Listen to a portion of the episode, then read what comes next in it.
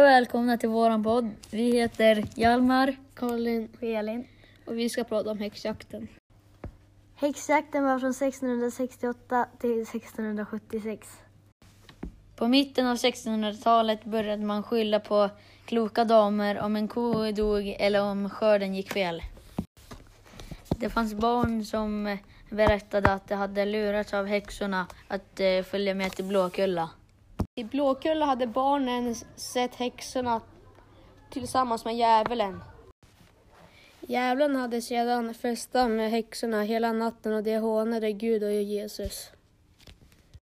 Elin, visste du att straffen mot häxorna verkställdes 1675 genom halshuggning på det som senare skulle komma kallas häxberget? Nej, det visste jag faktiskt inte. Orsaken till hysterin är komplicerade. I Sverige infördes reformationen långsamt vilket gav utrymme till vidskepelse och oron när den katolska bestämmande rätten försvann. Med hjälp av häxhammaren så var det en instruktionsbok för häxjakt. Boken gav tips på hur man skulle avslöja en häxa. Visste du det Colin? Nej, det visste jag inte.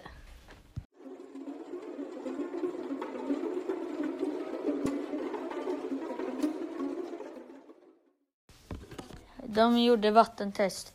Då var det så att om man sjöng så var man en människa, men om man flöt så var man en häxa. De som anklagades för häxeri ställdes inför en särskild trolldomskommission och det var en slags domstol. Året var 1674.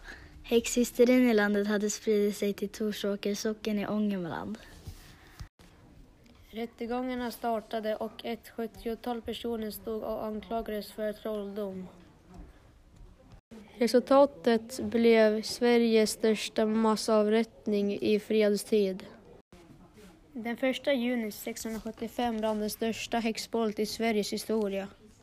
På bålet brände samtidigt 72 häxor. Bland det fanns två män och fyra små pojkar. De 72 häxor avrättades innan de kastades upp på bål. Den stora häxprocessen började i Dalarna 1668.